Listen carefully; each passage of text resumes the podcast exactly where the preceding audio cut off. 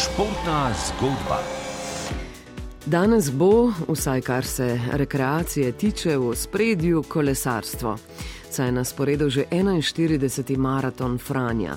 Start klasične, daljše preizkušnje bo v BTC-ju ob 9. uri, dobro uro in pol pozneje se bodo starta pognali še tisti na krajši razdalji. Več pa v jutranji športni zgodbi Jure Roman. Maraton Franja je brez dvoma pomemben del slovenskega kolesarstva, tudi tistega na najvišji ravni. Po dveh letih izjemnih prodajnih številk še vedno velja, da je kolo izbrane kakovosti, barve in posameznih komponent težko dobiti.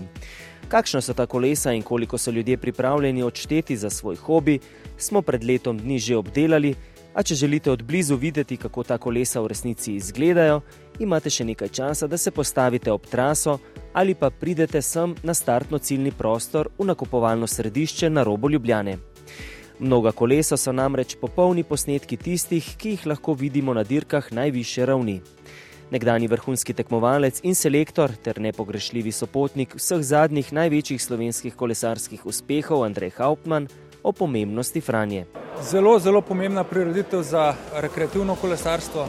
Tudi profesionalnega kolesarstva ne bi bilo, če ne bi bilo kolesarjev, rekreativcev, vse tiste, bom rekel, rekreativne srednje, ki, ki podpira ta vrhunski šport, in pa seveda tudi otroci prihajajo tudi zaradi tega, ker je Franja, bom rekel, en simbol kolesarstva v Sloveniji. 41. izvedba je in bo na različne trase spravila blizu 5000 ljubiteljev kolesarstva, krajše, družinske in otroške izzive so namreč organizatori že včeraj spravili pod streho.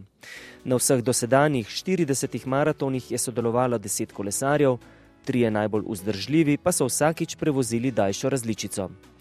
Tudi na današnji Franji bo najstarejši med njimi Ivan Ertel iz Maribora. 80-letnik je prijavljen na krajšo različico, ki pa skoraj 100 km dolžine nikakor ni mači kašelj.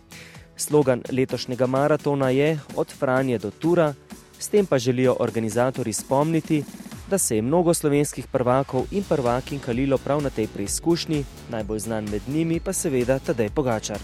Danes torej pravi praznik kolesarstva, največji privilegij za vse udeležence pa bo predvsem to, da bodo v miru vozili po zaprtih cestah.